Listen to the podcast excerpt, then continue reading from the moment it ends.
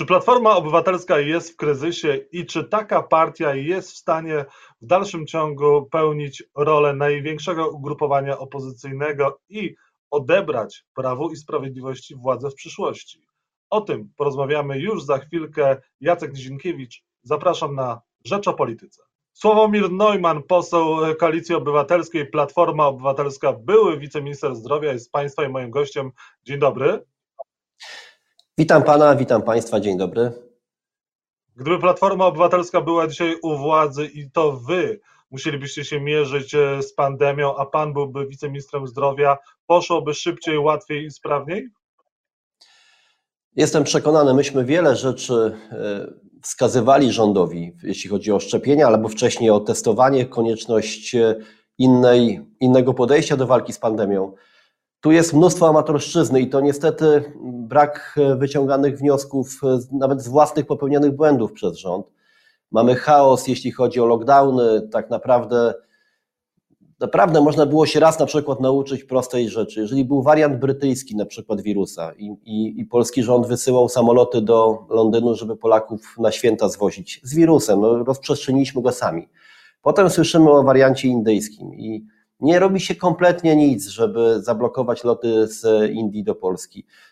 To niektóre rzeczy są tak absurdalnie proste i, i są to takie błędy, że aż nie chce się wierzyć. Szczepienia, które od samego początku powinny być w dobrej współpracy z samorządami, bo wtedy to rozproszenie szczepień, lepsze dotarcie do ludzi, no dałoby lepszą skalę. No dzisiaj dla mnie trochę przerażającym jest, jest ta liczba, która mówi o 50 chyba 8% zaszczepionych seniorów.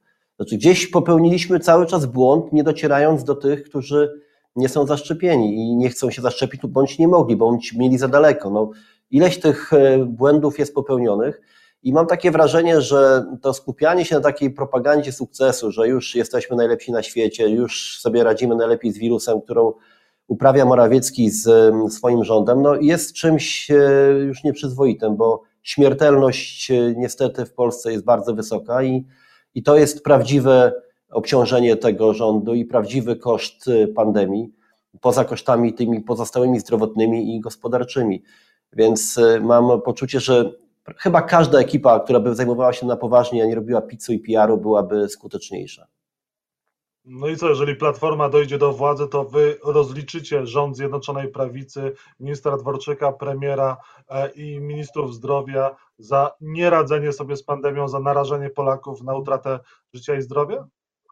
Jestem przekonany, że Polacy rozliczą e, za pandemię, za nieradzenie sobie z e, kryzysem zdrowotnym, kryzysem ekonomicznym. Jestem przekonany, że Polacy rozliczą ten rząd. Zresztą myślę, że kiedy będziemy z pandemii wychodzić, a wierzę, że to będą e, miesiące już powakacyjne, czyli będziemy mieli mm, zabezpieczone społeczeństwo szczepieniami, będziemy mieli tę odporność e, grupową, którą, o, którą się, o którą walczymy i można będzie normalnie wyjść już i normalnie prawie funkcjonować, to dopiero mam poczucie takie dojdzie do nas poziom strat i, i, tych tragedii, które przez pandemię były. Dzisiaj tego tak do końca jeszcze nie widać z perspektywy.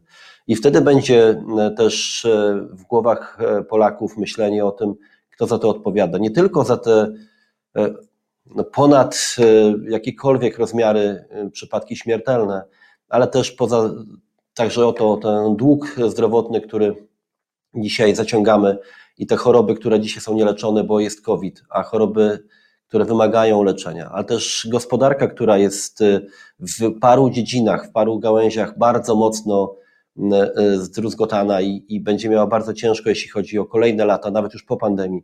Więc tych strat będziemy widzieli dużo i Polacy ten rachunek wystawią.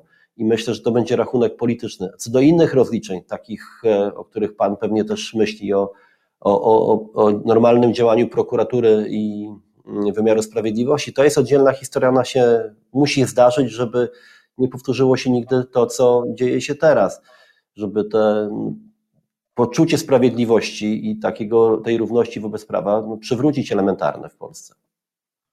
Przypomnę tylko, że za Platformy Obywatelskiej obiecywaliście, że skrócą się kolejki e, do lekarzy i te kolejki się nie skróciły i też nie zreformowaliście przez 8 lat ochrony zdrowia, więc Panie redaktorze, pytanie, czy sobie poradzili lepiej, e, no to taka odpowiedź może nie wszystkich satysfakcjonować i być wiarygodna. No ale zostawmy to, niech pan mi powie. Ale jedno zdanie, jedno, ale jednym zdaniem, jedno proszę. zdanie, proszę tylko. Po pierwsze, kolejki do lekarzy się wydłużyły za czasów rządu PiSu. Zadłużenie szpitali wzrosło radykalnie do kwoty ponad 14 miliardów, najwyższej w historii. Za Platformy wprowadziliśmy ustawę, która mówi o e, refundacyjną, która dała Polsce jedna z najtańszych leków w Polsce. Wprowadziliśmy ścieżkę onkologiczną szybkiego diagnozowania i leczenia e, chorych na, na raka. Wprowadziliśmy w, u lekarzy POZ w wojnie z nimi trochę, ale potem w porozumieniu już zupełnie inną diagnostykę i pracę z pacjentami. Zrobiliśmy wiele rzeczy, które dały i dawały efekty. Zostało to zawrócone w niektórych przypadkach i dzisiaj mamy efekt, jaki mamy. Ta centralizacja szpitali, to wszystko, co wydarzyło się za czasów e, rządów ministra Radziwiła, potem przez ministra Szumowskiego. I zgódź się, człowieku, zgódź się na jedno zdanie polityka. Było jedno zdanie wielokrotnie złożone. 10. Niech pan powie, no ale widać, że Polacy to was teraz oceniają i to oceniają negatywnie za wstrzymanie się w sprawie ratyfikacji funduszu unijnego. Nie, nie popełniliście błędów wstrzymując się od głosu w Sejmie? Wie pan, nie, uważam, że wstrzymanie było, e, było jedynym e, rozsądnym rozwiązaniem w tej sytuacji. Kiedy nie udało się wprowadzić bezpieczników do ustawy ratyfikacyjnej, kiedy nie udało się zatrzymać PiSu w tym momencie i wymusić na nim e, jakichkolwiek poważnych ustępstw, ale bardziej chodzi o takie wpisanie zasad uczciwego rozdzielania środków europejskich, no to mając jeszcze Senat, musieliśmy pokazać, że my nie jesteśmy przeciwko środkom europejskim, bo przecież o te środki walczyliśmy w Brukseli. Właśnie o te, to nasi europosłowie o to walczyli, nie PiSu.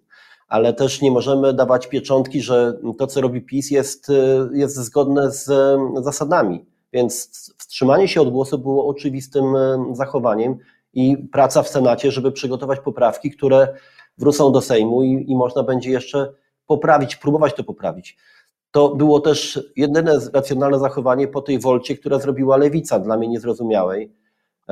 Lewica dając, zdradziła opozycję? To mocne słowo. No, no, w Polsce używa się wielu mocnych słów od lat, ale lewica na pewno nie dała szansy opozycji na to, żeby wymusić na PiSie e, wprowadzenie bezpieczników.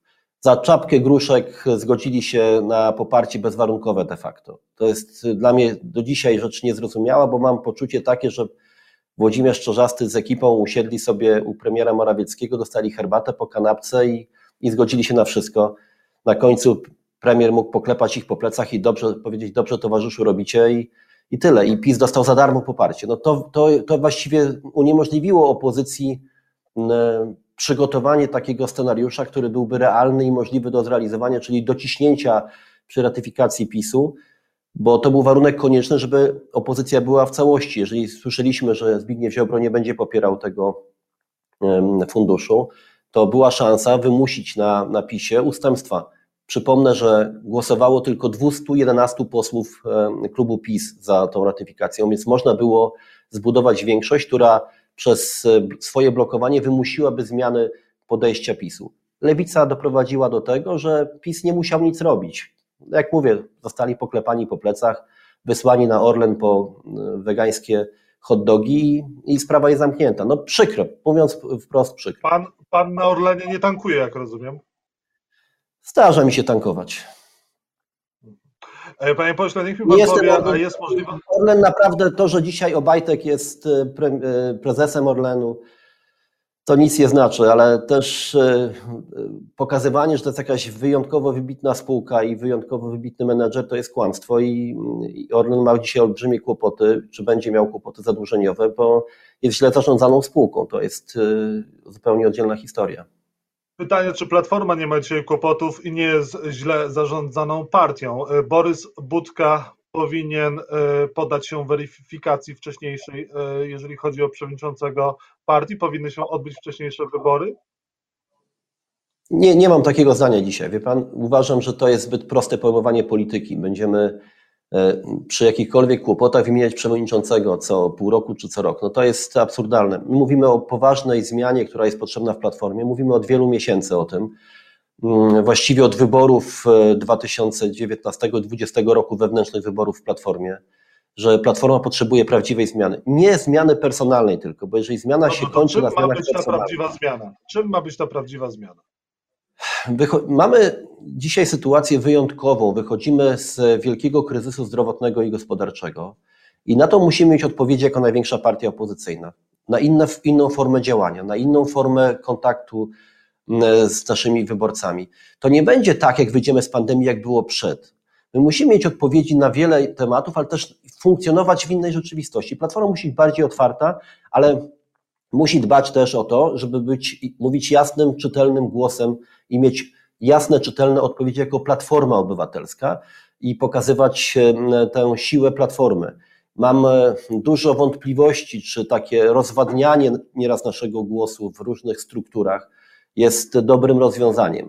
Ja jestem przekonany o tym, że tylko silna Platforma Obywatelska może być dobrym fundamentem budowy e, dużych koalicji do, do kolejnych wyborów. Jeżeli Platformę Obywatelską się będzie osłabiało, to, e, to jest tylko na rękę Kaczyńskiemu, więc to pewnie do czego Pan zmierza, do listu tych e, kilkudziesięciu posłanek i posłów i senatorów Platformy, to, to jest głos mówiący o tym, że należy Platformie przywrócić pozycję lidera na opozycji, to należy Platformie przywrócić tę siłę sprawczą na opozycji, sprawy personalne są sprawami drugorzędnymi. Ja wierzę, że Borys Budka może to e, uczynić, może ustać na swoich nogach e, to wielkie zadanie i będzie miał wsparcie od ludzi, którzy pod tym listem się podpisali, bo tu się podpisali ludzie, te 51 osób, myślę, że takich osób jest w klubie znacznie, znacznie więcej jeszcze, E, którzy nie szukają innej partii politycznej, którzy nie szukają innych ruchów politycznych, oni nie szukają nowych pomysłów, nowych flag,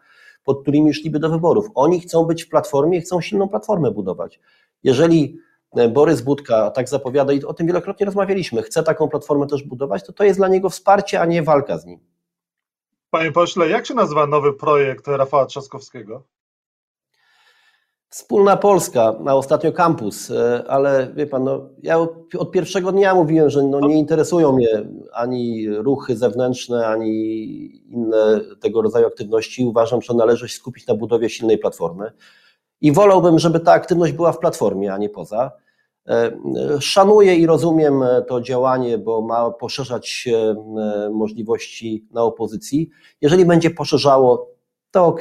Ja dzisiaj tego poszerzenia nie widzę. Raczej w tym samym sosie się obracamy, co powoduje pewne zamieszanie. I e, lepszym byłoby, gdyby to Platforma Obywatelska i Rafał Trzaskowski jako wiceprzewodniczący Platformy Obywatelskiej i nasi, nasze posłanki posłowie się w to angażujący taki obóz dla młodzieży, czy takie warsztaty dla młodzieży robili w ramach Platformy. Byłoby to dla mnie lepszym rozwiązaniem. Szanuję, że Rafał ma inny pomysł, chce pomagać trochę rozszerzając tę bazę.